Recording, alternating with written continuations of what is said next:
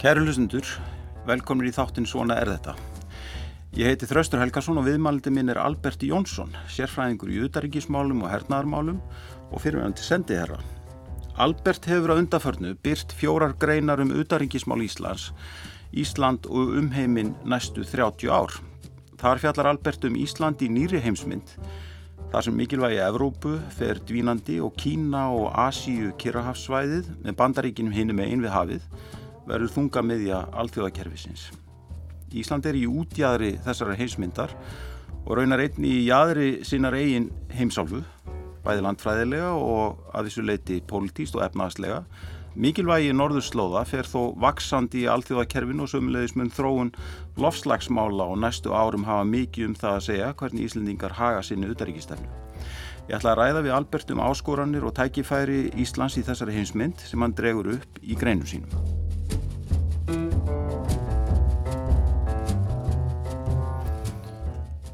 Albert, velkomin í þáttinn. Takk að þér.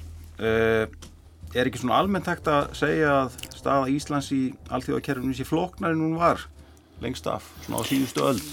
Jú, í... Eða kallstri ríkti og Íslandingar núttu svona... Jú, jú, og veraldun sjálf var miklu einfaldari þá, Já. að mörgu leiti, ekki öllu leiti, og uh, hins vegar held ég að, að við í rauninni séu forsendur okkar udaríksmála tiltölu skýrar eins og ég reyna að koma að í, í þessum greinu þar sem ég reyna að horfa á hvað ég maður segja, stærri myndina sem er ágætt aðferð til þess að reyna að átt að segja á aðalatriðum mm. og er líka sérstaklega við viðengandi þegar við erum að tala um uh, að skýra udaríkismál smarri ríkja í veraldunni því að þau eru auðvitað háðar í þessum stærri þáttum, all þróun, allþjóðakerfisins heldur en stór og voldur ríki.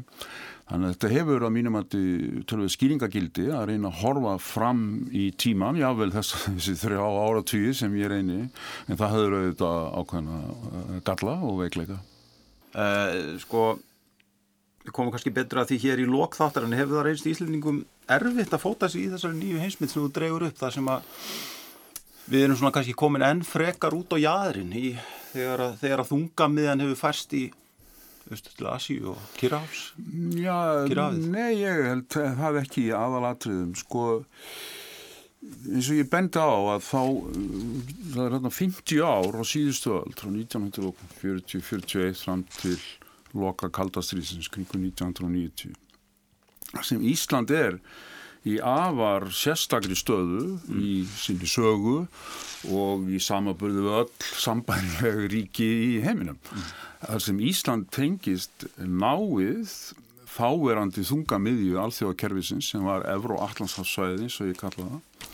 Þar sem örlög veraldarinnar réðust, ekki bara þessum 50 árum, heldur, öldum saman. Já og uh, það var vegna landfræðilegar uh, legulandsins og vegna þróunar öryggismála á meginlandinu. Þannig að, að Ísland tengdist náið valda jafnvæginu á þessu Allandsarsvæði í þessu 50 ár gegnum síðar heimstyrjöldina og kaldastriðið og síðan þegar kaldastriðinu laug þá hurfu þessar fórsendur mm. og Ísland fór ekkert svo sem eitthvað, eitthvað út í einhverja víðáttu eða, eða einhverju öræfi í, í alþjóðamálum heldur bara á eðlilegan stað fyrir lítið ríki mm.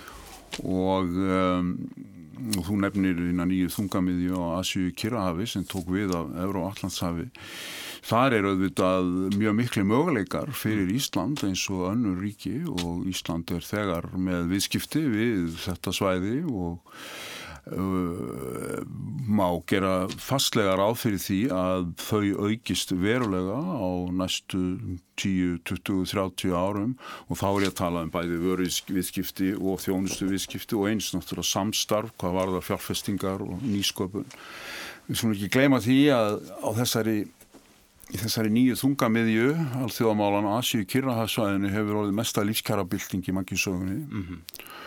og það er að verða til mikið fáttak og fólki þar áfram og, en þar er að verða til einhvað síður mjög stór uh, millistjætt og þar eigum við Íslandingar og önnur ríki á Vesturlandum og öðrum heimslutum möguleika á að, að uh, auka viðskipt okkar og auka verðmæti þess sem við seljum, hvort sem það er landið okkar sem áfangastadur eða vörurnar okkar. Já. og eins og ég nefndi ná í samstagsæðila En þarna í þessari heimsmynd, eh, þarna skipta sem sé bandarækjumenn en já, miklu máli. Já, bandarækjum eru náttúrulega, já, þeir eru ekkert að missa sitt. Til að bæta við náttúrulega, við erum með í Asíu sendiráð, í Japan já. og Kína og Índlandi, við erum vel, í, vel stattir hvað það varðar, hvað þáttöku stjórnvalda í stefnumótum Gagvart Asíu uh, varðar mm. og þá er það fyrirtækjana að sækja eins og, eins og hægt er. En... Um,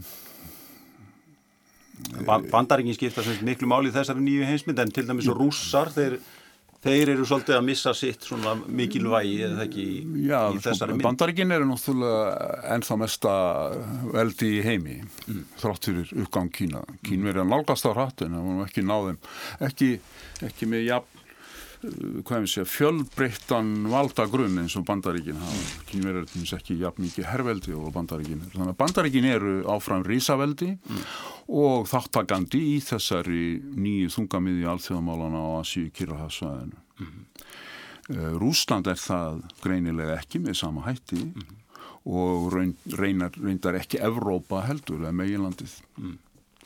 En, en uh, En mun, mun sem sé sko samband Rúslands og Kína skipta máli svona í því valdatabli sem er framöndan. Þú, þú talar um sem sé valdatabli á milli bandarækjana og Kína sem verður svona kannski megin, megin þemað á næstu áratugum. Já, já.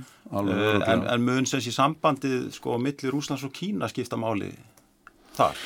Já, já, um það er mikið rætt og hversu náið það samband sé nú þegar orðið, bæði vegna þess að rússar hafa gljóslega hagsmun af því að vera í nánum samskiptum við, við Kína, mm.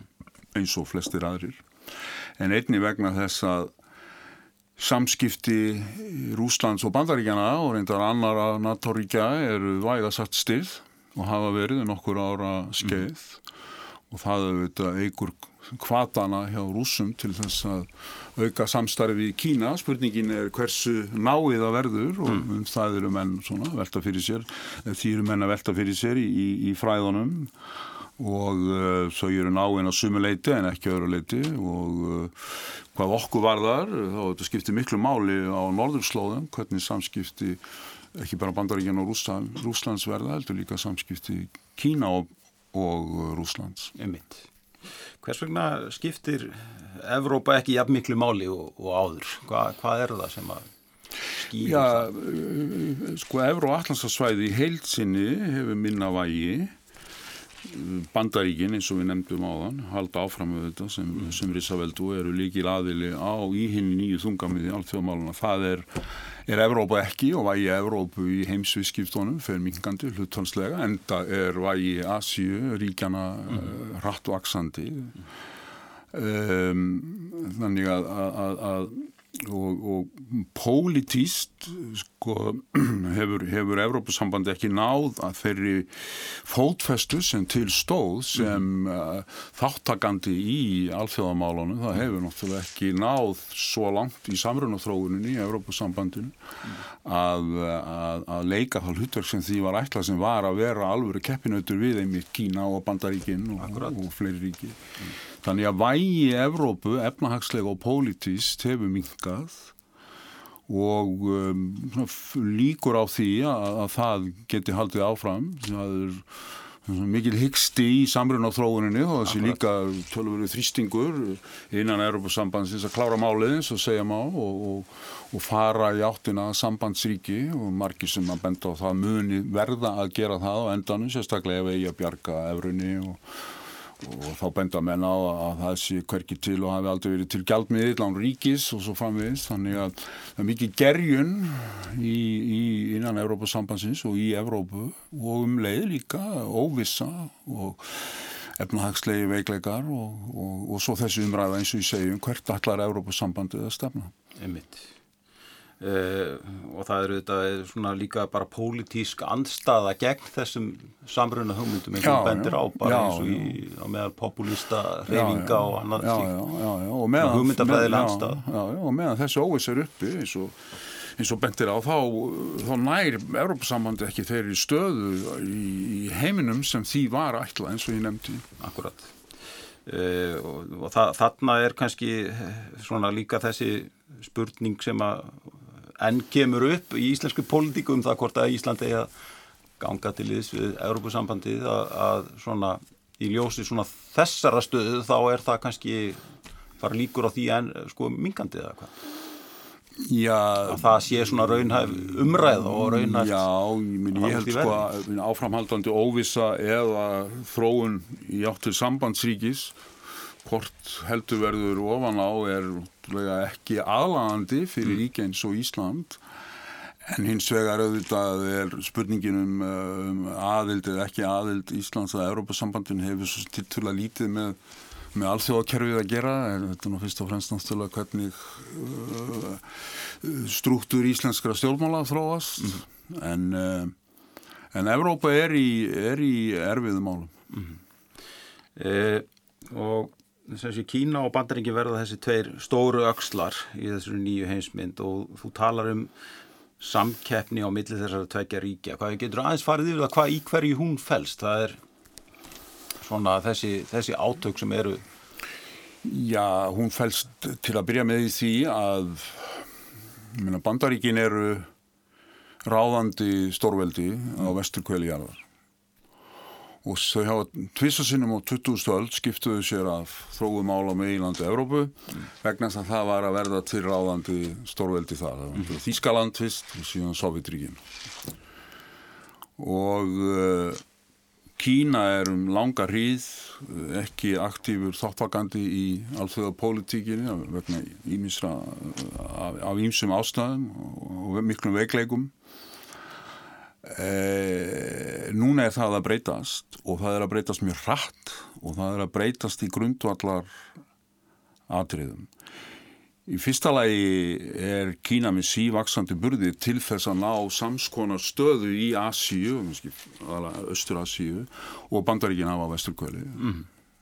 og náttúrulega ógna far með valdastöðu bandaríkjana í grundallar atriðum í Asíu og með ítökum í, víðar í heiminum og um, síðan er uh, síf harnandi samkeppni millir bandaríkjana og Kína á tæknisviði og efnahagsviði um hilli ríkja mm -hmm. með allt örum hætti en samkeppnin var við, við Sovjetríkin í, í kaldastriðinu. Sovjetríkin voru aldrei keppinautur bandaríkjana á efnahags eða tæknisviði mm -hmm. í, í, í neitni alvöru mm þannig að að Kína er lang öflugasti keppinautu sem bandaríkinn hafa nokkur tíman hort framann í mm. og uh, hefur bara skoðar sko, veist, hvað er það 13-1400 miljónir manna þegar þessar 13-1400 miljónir manna eru konar með þjóðatökjur jafs, á mann til jafs til dæmis Suðu Kóriðu, mm -hmm. þá eru þjóðatökjur Kína samtals á heildjana litið markvaldar á þjóðatökjur bandaríkjana ja. og það mun auðvitað skila sér í útgjöldun til hermála í Kína og það mun skila sér í, í langveitingum til ríkja um viðam heim og allskynns uh, eh, ítökum kínverja í, í verðaldinu og um þetta snýst samkeppnin. Mm. En hún er líka mjög mikið á taknisviði, við erum Já. hér á uh, samkeppni til dæmis og deilur um, um kynverst fjarskiptafyrirtæki, Huawei, hvort að, á að hleypa þeim inn á, á Vesturlandum. En, en, en grundvatarætið þetta, þetta er, uh, þetta er, þetta er samkeppni sem hefur alveg sérsta, uh, sérstök enkenni í, í, í sögulegum skilningi og eh, Kína er langöflugast í keppinötu sem bandaríkinn hafa nokt sem hort fram, framann í og þau munu taka því og, og samkeppni þessar að tekja stórveld og mun verða ráðandi þáttur í, í heimsmálunum allar þessa veld. Og bæði þessi ríki hafa áhuga á, á norðurslóðun og ákveðina, hagsmiðna að gæta þar. Já, sko samkeppni, stórveldarsamkeppni er nú ekki hafinn millir Kína og bandaríkjana að ráði á norðurslóðun. Mm Bandaríkjaman hafa svona markað ákveðna stöðu í því, svona mynd á sig, mynd kynveri á það að til dæmis Ísland og Grænland er áhrif, áhrif og svæði Bandaríkjana, nú Alaska er auðvitað hluti stort land að, að norðurslóðum, þannig að Bandaríkin eru stort og mikilvægt norðurslóðaríki en kínverjar hins vegar eru ekki mjög fyrirferðarmiklir en þá á norðurslóðum. Mm. Þeir eru það fyrst og fremst í norður hluta Rúslands í, í Sýberíu þar sem þeir eru að verða mjög stórtækirindar í, í uh, ólíu og gasvinslu uh, en að öðru leiti er, er Kína nú ekki, ekki umsvið þeirra ekki mjög mikil á norðurslóðum en það kann hins vegar að breytast og mesta breytingin yrði auðvitað ef að hlínun jarðar nær því stígi að heimskauts ísin bráni og norður Íshafið opnist fyrir, fyrir siglingar mm.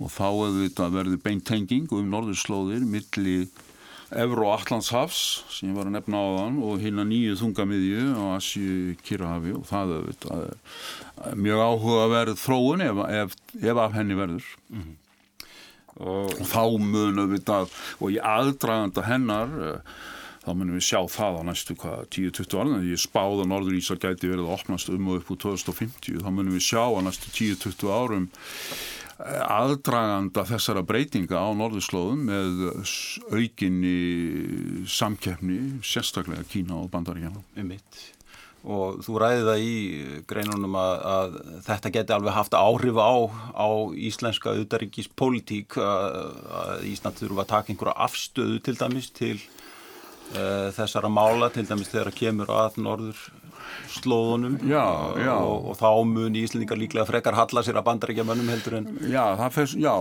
þetta er náttúrulega verið að horfa á þetta í 20-30 ára perspektífi mm. sko en um, ef að samkeppni Kína og Bandaríkjana hefst í alvöru á norðurslóðum í aðdraganda þess að menn telja, eða menn telja að stefni í að norður Ísá opnist vegna hlínunar, jarður og bránunar heimskoðsísins þá auðvitað munum við verða fyrir uh, þrýstingi á halvu þessara stórvelda og uh,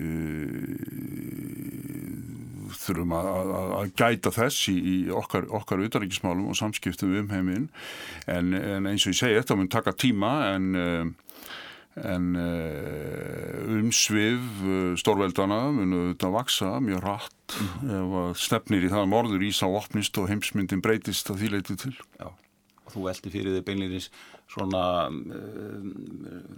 já, eila svigurúmi Íslendinga til svona samskipta og viðskipta við Kína og Asíu þegar já, ef að þetta skildi já, þessi svona já, samkeppni um... tvent, sko, annars vegar er ef að til, ef kemur til samkeppni stórveldana á norðurslóðun þar sé mm. Kína og Bandaríkjana en hins vegar alveg óháð því þá mun þetta samkeppni Bandaríkjana og Kína á heimsvísu sem nú er þegar hafinn mm -hmm. hún mun snerta okkur og gerir það nú þegar var ekki síðustu viku einhver orðaskipti við kínverðska sendiráði hér út á afstöðu íslenska stjórnvalda uh, uh, varðandi mannréttindi í Kína Akkurat. og það mun koma upp fleiri slíkmál þar sem verður kallað eftir afstöðu Íslands og annara ríkja til deilumála þessara stórvelda mm. og þá er að menna þetta að skoða sína hagsmunni og, og, og, og hvaða sveigrum menn hafa til að gæta þeirra og uh, í sumum tilvíkum verður svigrúmi ekki neitt vegna þess að okkar prinsip kalla á tiltökn afstöð eins og varðandi mannreitindamál eða þá að við reynum að vera á hliðalínunni til að gæta einhverja viðskipt hagsmuna og, og svo framvegis. En á einhverju vissu stíi eins og þú komst inn á uh, ef að samkeppnum á norðurslóðun lær því stíi að uh, að fara að líkast uh, samkeppnin í síðari heimstýröðu kaldastriðinu á Allandsafi og þá auðvitað breytast hlutinir og þá má sjá fyrir sér að, að við myndum færast aftur sífælt nær bandaríkjónum því að í, í síðan heimstyrjöld og kaldastriðinu megin enginnið er að fyrir okkur er að við erum með samíla hagsmunni með bandaríkjónum en þarna erum við komin langt fram í tíman reyndar. Já, og, og kannski enn lengra sko ef að e, sko þú, þú hérna mér finnst svolítið forunilegt þegar þú fjallar um norðurslóða málinn og, og bráðnun uh, ísi í norður Ísafi að, að þá eiginlega staðsettur Ísland, þú segir að Ísland sé í raun of sunnarlega til þess að til þess að skipta máli þá ertu mæntalega að hugsa um hernaðarlega í... Já, já, það sem ég bendi á er ef að, ef að til þessarar sko, fyrsta lagi þá er náttúrulega nú þegar til staðar samkeppni millir Úslands og mm. bandaríkjana og eftir aftökum annara NATO-ríkja á norðurslóðum mm. reyndar á takmarkuðu svæðar aðalega á Barentshafi og norðanverðin Noregshafi og, og, og norðvestur Úslandi Já þannig að svo samkeppni er auðvitað til staðar og hún á sér langa, langa, langa sögu. En uh, sko eftir því sem að hafísin, heimskautsísin hörvar meira, þeimun sunnar verður Ísland eðli málsankant í herrfræðilegum skilningi fleira kemur til, um, vopnaþróun er þannig að, að Rúsland og, og Kína þegar, ef og þegar þar að kemur búa yfir langdragari vopnum en áður sem hægt er að skjóta á skotmörk í Evrópu eða Norður Ameríku frá Norður Ísafi mm -hmm. og nú þegar verður það gera ráðstafanir til þess að bregðast til þessari þróum með endur nýjum loftvarnar Norður Ameríku sem við mun eiga sér stað á næstu árum mm.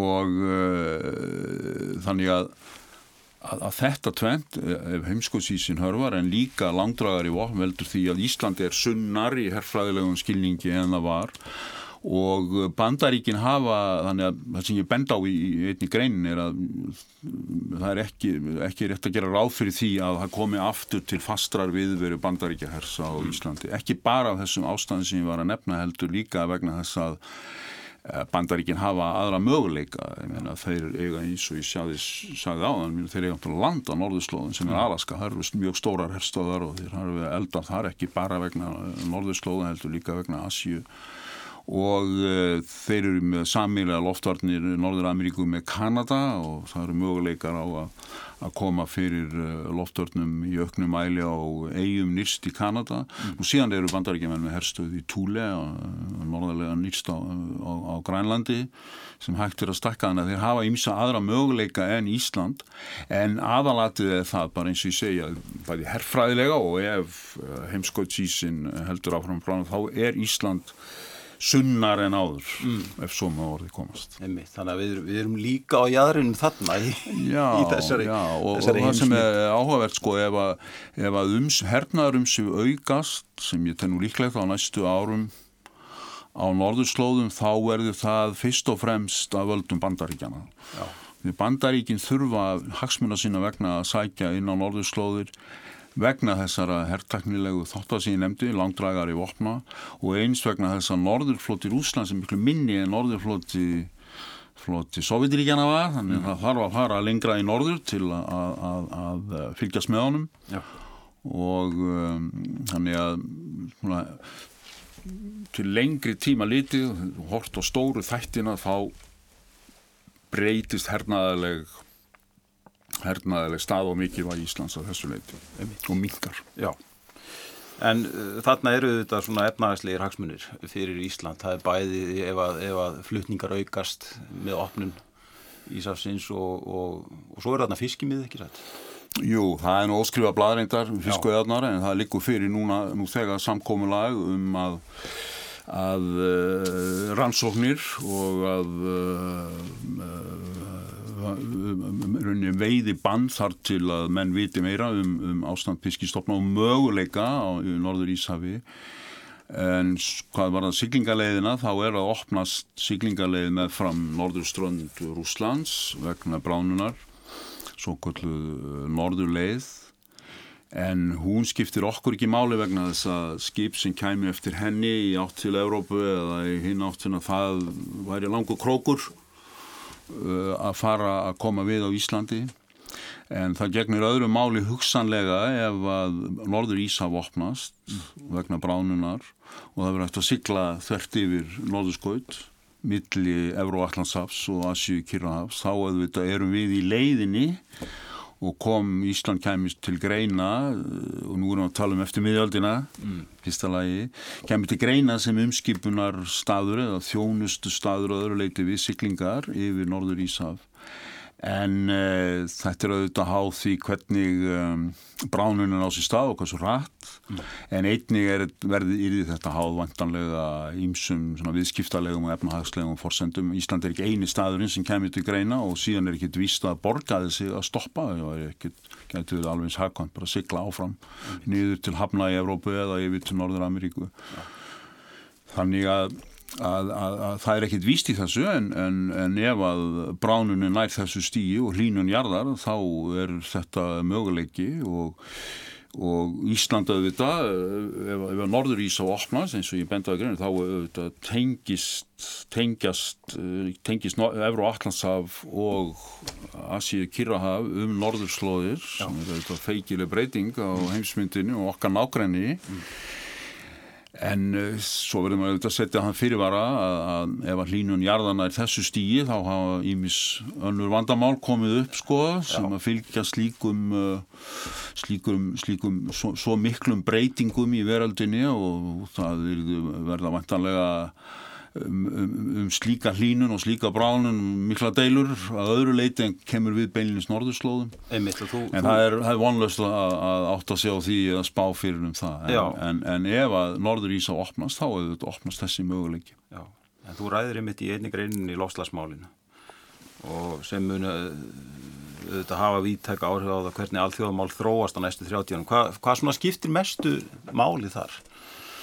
Það sem skiptir mestu máli þar er að 80% af orgu notkun mannkinsins kem að koma frá jarðefnælsneitt, þessi ólíu, kólum og jarðgansi og e, það er engar, engar svona verulegar breytingar í sikti hvað það varðar þó auðvitað menn hafi vonir um að það verði taknibilding í orkumálum og mm. orkubúskap mannkinsins Þannig að viðleitnin til að stemma stigu við hlínun jarðara mannavöldu, hún snýst fyrst og fremst um að minka losun svo kallara gróðrúsaloftegunda mm. sem er annað orði yfir að minka notkun jarðefnaelsnitis mm -hmm. og þetta er auðvitað stóra hindrunir e, e, sko, lofslagsmálun er einstökk af þýleiti til meðal annað, margar einstakar hliðar að, að það er kostnæður mm -hmm. gífurlegu kostnæður við það að markmiðin með Parísasamningunum og lofslagsmál er að halda hlínuninni innan við 2 gráður helst við 1,5 gráður mm. sko ríki heims er ekki eins og byrjuð á þessu Nei. ekki eins og byrjuð á því Og, um, og, og, og kostnaðurinn við það hann verður gífulegur um, ef, á, ef, á eins, ef á að reyna það. Mm.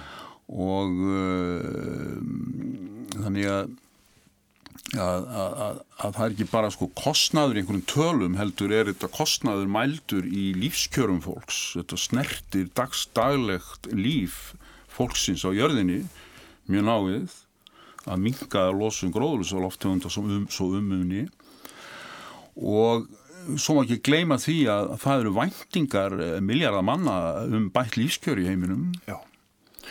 og þær verða, þær rætast ekki án jarðarna elsnætis og þá er ég að tala um um leið og lífskjör batna í Kína, Índlandi og hefði haldið áfram batna, batna nú, þá vilja menn fleiri bíla eða ekki og mhm. meira nautakjött og meiri steinstift mannvirki og það þarf meiri hraðbröytir og svo framvið sem langur, langur, langur listi.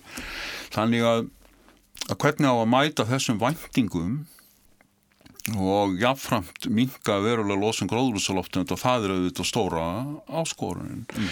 en það er ekki bara að ná samkómulagi um það að það þurfi að minga losun gróðrúsaloftunum og svo byrja að reyna átt að segja hvernig það fara á, fara á, að, fara á að því um, það þarf líka að skipta byrðunum mm -hmm. millir ríkja heims Akkurat það er nú þegar mikið ágreiningsefni og þó að menn sé raunin ekki byrjaðar á að takast á við vandamáli mm. það er á uppsiklingu tillögur í Frankóttastjórn Europasambandsins til dæmis um, um uh, innflutningstotla og vörur frá ríkin sem ekki standi sér í yngvarðismálum eða loslandsmálum mm.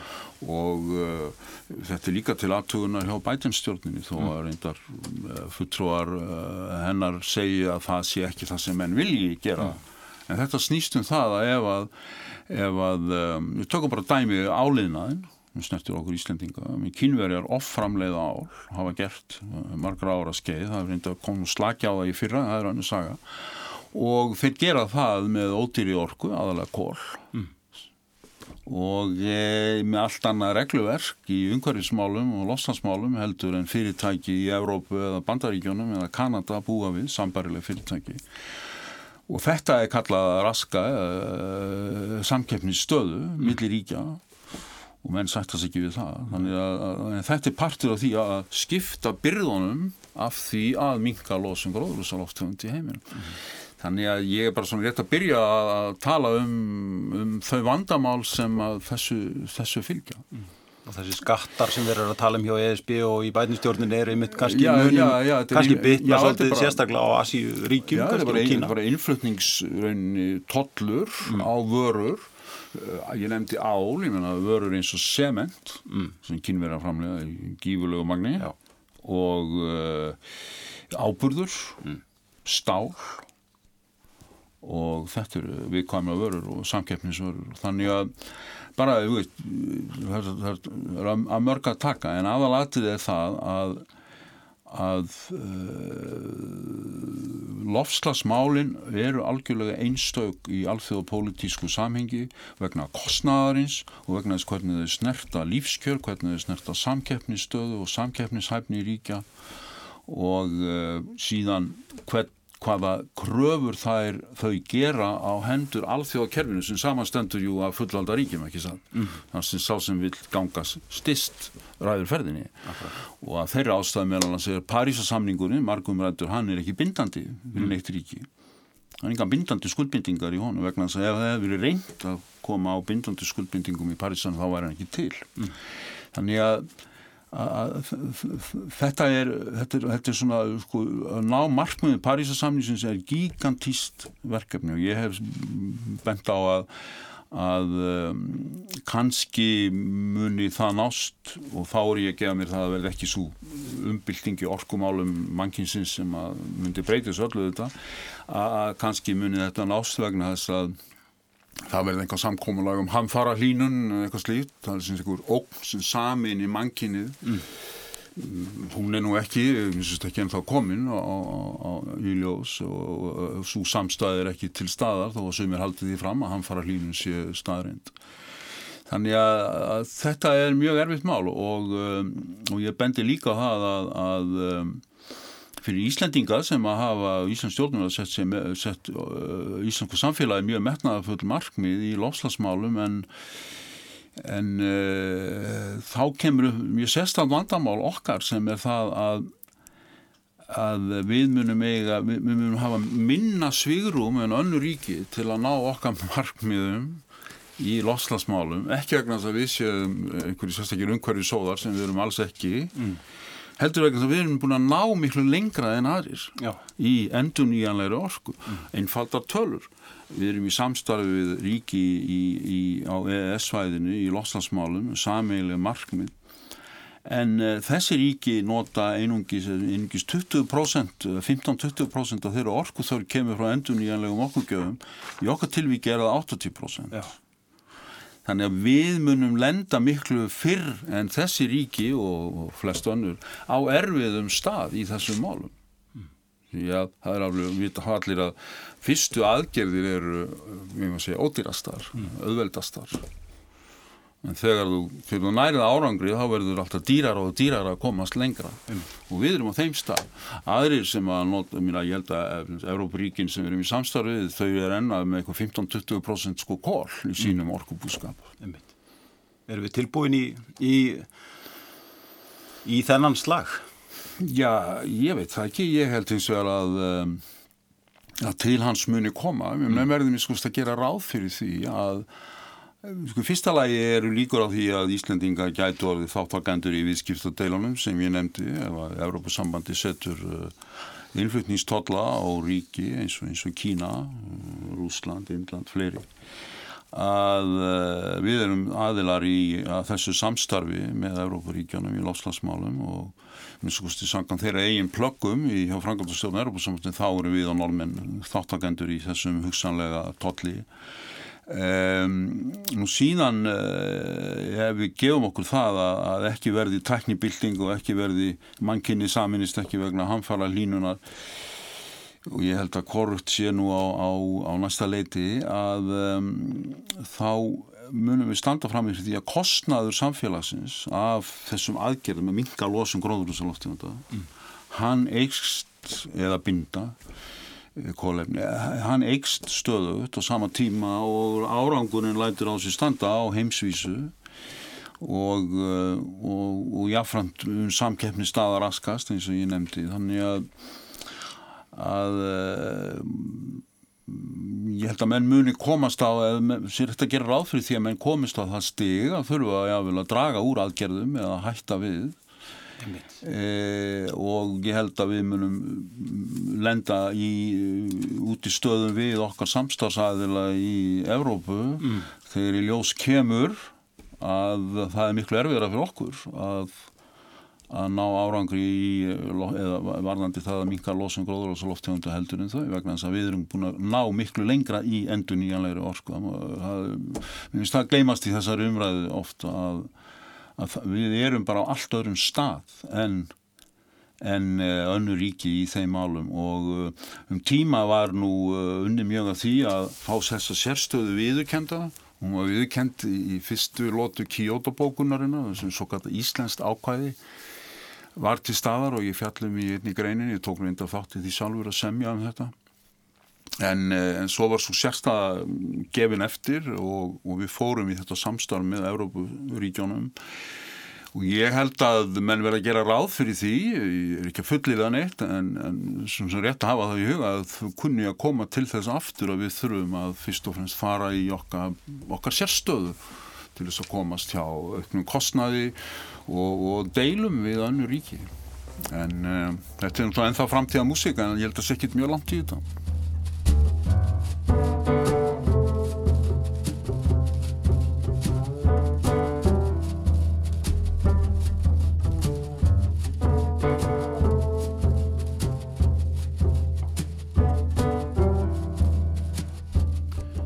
Kæru hlustundur, ég heiti Þraustur Helgarsson og þið eru að hlusta á þáttinn Svona er þetta. Gæstu minna þessu sinni er Albert Jónsson, sérfræðingur í utaríkismálum og fyrirverandi sendiherra. Í þessum þáttum hefur verið rætt við forðnilegt fólk úr ímsum kimum samfélagsins um reynslu þess og viðhorf. Baldur Þórhalsson, stjórnmálafræðingur, rættu um stöðu Íslands í allþjóðakerfinu. Hægt er að hlusta á Svona er þetta í spilararúf og í öllum helstu hlaðvarps veitum. Ég greini íslenska auðaríkistefnu þannig, rauninni e, allt frá því að bandaríkjumenn loka herrstöðunni og yfirgefa landið 2006 og það verður alveg ljóst öllum íslensku ráðamönum að bandaríkinn kom okkur ekki til efnaðslegar ástóðar þegar á bjátar. Þá eru þeir, sko, ég veit ekki hvað því maður tala um það eins og hauslisar hænur, en sko, en sko, þeir eru, sko, þeir eru rauninni í örvættingu á árunum í, á hraunsárunum að leita eftir alþjóðlu efnaðarslegu skjóli.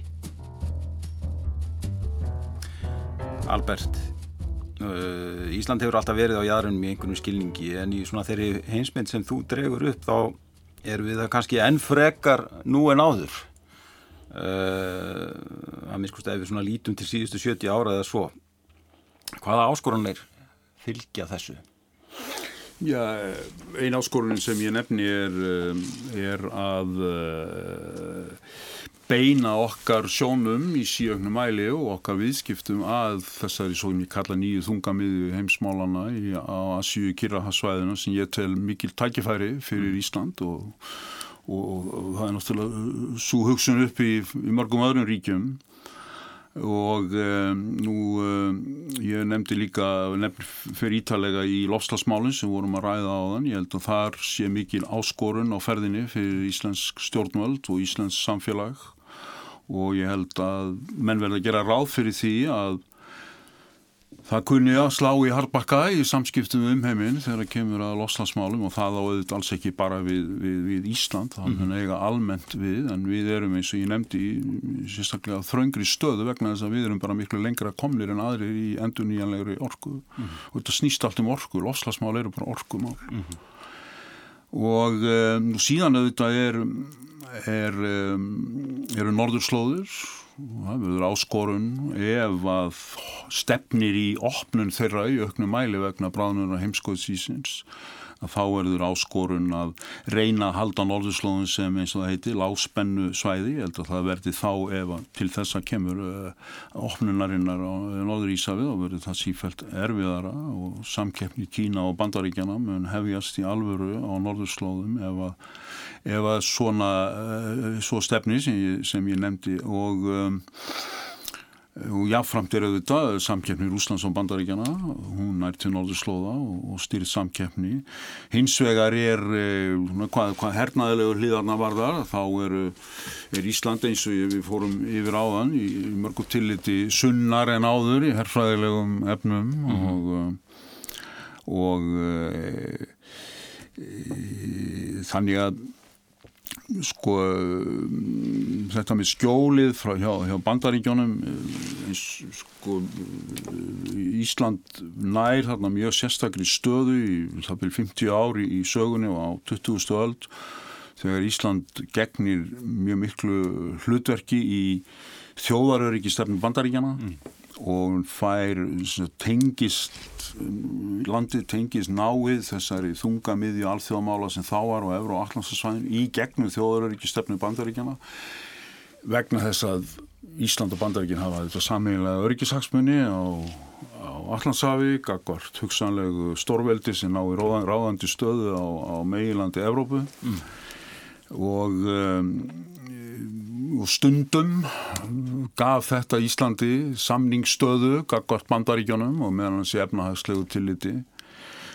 E, og svo hverfa, hverfa þessar forsendur með kaldastriðinu en sko bandaríkin eh, þetta var náttúrulega aldrei mjög, þetta var aldrei einhvern einföld staða. Bandaríkin eh, sko leggja mjög miklu áherslu á það og, og vestranríki almennt að að viðskiptamálum og efnahagsmálum sé komið þannig fyrir í heiminum að það snúist ekki einmitt um tvíliða samskipti mm -hmm. heldur um alþjóðlegar stopnanir og samninga og þannig verða til alþjóða gældur í sjóðurinn og síðan gatt samkominlæð um heimsviðskipti eða við, þá ekki náðu ekki til kommunistaríkjana og síðan er það vaftjó þannig að, að áherslan eru öll á þetta en ekki tvíliða samskipti og þessi staða Íslendinga í, í síðar í heimstyröldin aðalega í kaldastriðinu, hún var náttúrulega algjörlega sérstök, ekki bara í okkar sögu heldur í, í sögunni, sögunni almennt. Þannig að ég veit ekki hvað er þetta að draga miklar almennar álíktanir og svo sérstökum sögulegum aðstæða, meina megin enginni eh, með að við tökum viðskipt og efnahagslega hagsmunni eins og ég segi er að fást við þau mál í fjölþjóðlegu samhengi og í alþjóða samstarfi fremur en, fremur en tvíliða og skjól, ef menn vilja nota það orð sem er svona struktúr nú erum menn að pæla í struktúr alþjóðakerfisins, hvernig vald dreifist og hver er veikur og hver er sterkur að, að, um, að það auðvitað kemur fyrst og fremst í gegnum uh, alþjóðakerfi sjálf þessar stopnarnir sem ég var að nefna mm -hmm. og uh, þannig að að uh, Íslandingar hafa nýtt sér þá stöðum mjög vel og uh, og uh, staða okkar sé bara núna COVID-faraldurinn sko, efnahagslega staða Íslands er greinlega mjög sterk mm. við erum að taka, hvað er ríkistöður að taka láni 600-700 miljónur og sólarring mm. það er ekkit vandamál, það er lánströst og skuldirna voru lágar þegar að hlutalslega þegar að faraldurinn hófst og hér hefur verið mikill hagvöstur á undanförnum árum og, og mikill uppgangur. Þannig að um, ég sé nú ekki sé þetta nú ekki alveg eins og, eins og baldu gerði þarna í þessu sem þú, sem þú hafðir eftir honum. En, uh, og mér finnst í aðalatruðum og reyna að koma því á framfari í þessum, þessum greinum finnst mér forsendur okkar utanrikismála, þannig að forsendunar um, framkvæmdinn er svo auðvitað í einstökum atriðum annað, forsendunar eru tiltöla mjög skýrar mm. og um, og í aðalatriðum er, er verið að, að, að vinna að málum eins og ég fæ séð með, með eðlegum og farsælum hætti minna, áhersla okkar og stöðugt viðfangsefni er auðvitað hérna, utanrikis viðskiptin mm. líti ríki er náttúrulega ekki mikið í því að umbylta alþjóðakerfinu eða alþjóðamálunum almennt og skiptir ekki miklu máli í þeim efnum en það getur hins vegar gert heilmikið varðandi það að halda sínum eigin hagsmunum fram og sérstaklega efnahagslega eða í viðskiptum og og eins og ég nefndi við, nefndi við eigum mikla möguleika mínum að í Asíu í því efni og þar erum við í ágættum stellingum sendir áður eftir stöðum og og svona boltin hjá fyrirtækjanum að því litið til en ég er samfærður um að við hefum eftir auka verulega á næstu 20-30 árum við skipt okkar við Asíu. Já. E, Svona hver, hvernig sé það er best á því að Íslandingar styrtu stöðu sína svona alþjóðlega á, á, á þessum 30 árum sem þú ert að fjalla um? Hvað, hvað, þarf, að, hvað þarf að gera? Já, með því að að reyna eins og, eins og kleift fyrir okkur að stuðla af því að alþjóðakerfið sé enn opnara og frjálsara efnahagslegt eh, efnahagskerfi en það er. Það er nú þegar ágætlega að starta því leiti til en, en sem sagt bara almennt stuðla af því, almennt gæta viðskiptahagsmunu okkar og auðvitað reyna að halda Um, reyna að stuðla stöðuleika í okkar heimsluta það er ekki ástæða enn til að hafa áhyggjur af því en að mínum að þið en, en það gæti til þess komið eins og ég sagði ef, ef hlínun jarðan er því stíi að, að norðurslóðir opnist miklu meira en nú er orðið mm. uh, Hvernig finnst þér svona umræðum utaríkismál á Íslandi hafa verið og þróast á síðustu árum? Ég vildi hún kannski fyrst og fremst bara freka lítil. Já. Já, já, en eftir er það eðlilegt í, í, í ríki eins og litlu ríki. Ég minna, auðvitað er, e, ég minna, Sko, smáríki, veikburðaríki þetta er þetta orð sem maður notar í, í tengslum við einhvað, einhvað, einhvað þá sem er starri, starri ríki en að vald mm. myna, og um, smáríki breyta ekki miklu í veröldinni mm. og utanríkismál eru skipta smáríki og sumuleiti miklu meira máli en stórveldana en skipta samt ekki máli að því leiti til að við auðvitað breytum ekki miklu. Þannig að við þurfum að fókusa Uh, utanrikistefnuna áfrekar við getum svo tæknilega atriði viðskiptamáli sem ég hef verið að tala um og og það er skiljanlega ekki meiri umræðum önnur máli í samfélaginu heldur en það. Þó, hvers, þó að, að viðskiptamálinn utanriksviðskiptum séu þetta feikilega mikilvæg. Þannig að ég svo sem ekki, ekki neinar áhyggjur af þrógum mála en, en umræðan mætti vera meiri um utanriksmálinn og ég hef sagt það áður og var nú að fara yfir það áðan í, í, í þínum þætti að að mér finnst umræðan og lofslagsmálinn hafa voruð út undan Já. og er allt og ein hliða, ein hæf mm. og þannig eru miklu, miklu floknari og erfiðari málaræða sem að ég tel að sé rétt að gera ráð fyrir að geta orðið mjög erfið í okkar samskiptum við um heiminn. Mm. En þú hefur ekki beinleginni svona áhyggjur af því að við erum komin enn frekar út á jæðarinn í, í svona alltíða kerfinu en við höfum verið Nei, ég minna þegar ég segi farið á jáðaninn þá er ég að bera það sama við þetta, þetta 50 ára tímabíl á síðustu öll þegar við uh, sem er náttúrulega ekkert að gerast vorum mm. mjög nátengt uh, þungamiðju alþjóðamálana mm. þannig að ég er að bera sama við það Já. en uh, á jáðrinum höfum hafa Íslandingar mínu kaltastilinu líkur 1990 eða Sovjetríkinu eru farið 1991 eftir það hafa Íslandíka gert það bara mjög gott ernahagslega í öllum aðaladriðum og miklu betur en margir aður og já, flestu annu ríki og uh, Þannig að í nútíma veröld er uh, landfræðilega staða skiptir hún ekki eins miklu máli áður og sjálfsögðu. Og, og ég er að tala um sko jáðar á jáðri alþjóðakerfisins. Mm. Og og það er bara eðlileg staða fyrir, fyrir lítið ríki og hefur ekkert með eins og Ísland er skýrtæmum, hefur ekkert með lífskjöru að gera í landinu. Þau eru, hafa verið að aldrei verið betri eftir að við fórum á innan gæsalap á jáðarinn í alþjóðakerfinu. Eftir að hafa verið í þessu sérstakar hlutverki í kaldastriðinu og, og reyndar síðar einstyrhald Það var gaman að fá því þáttinn Albert. Uh, ég hvet alltaf áhuga fólk um utryggismál til þess að lesa greinarna þína sem er hægt að finna á efnum mm -hmm. Takk fyrir komuna. Takk að þið Kæri hlustundur, við verðum hér aftur að viku liðni Góða stundir.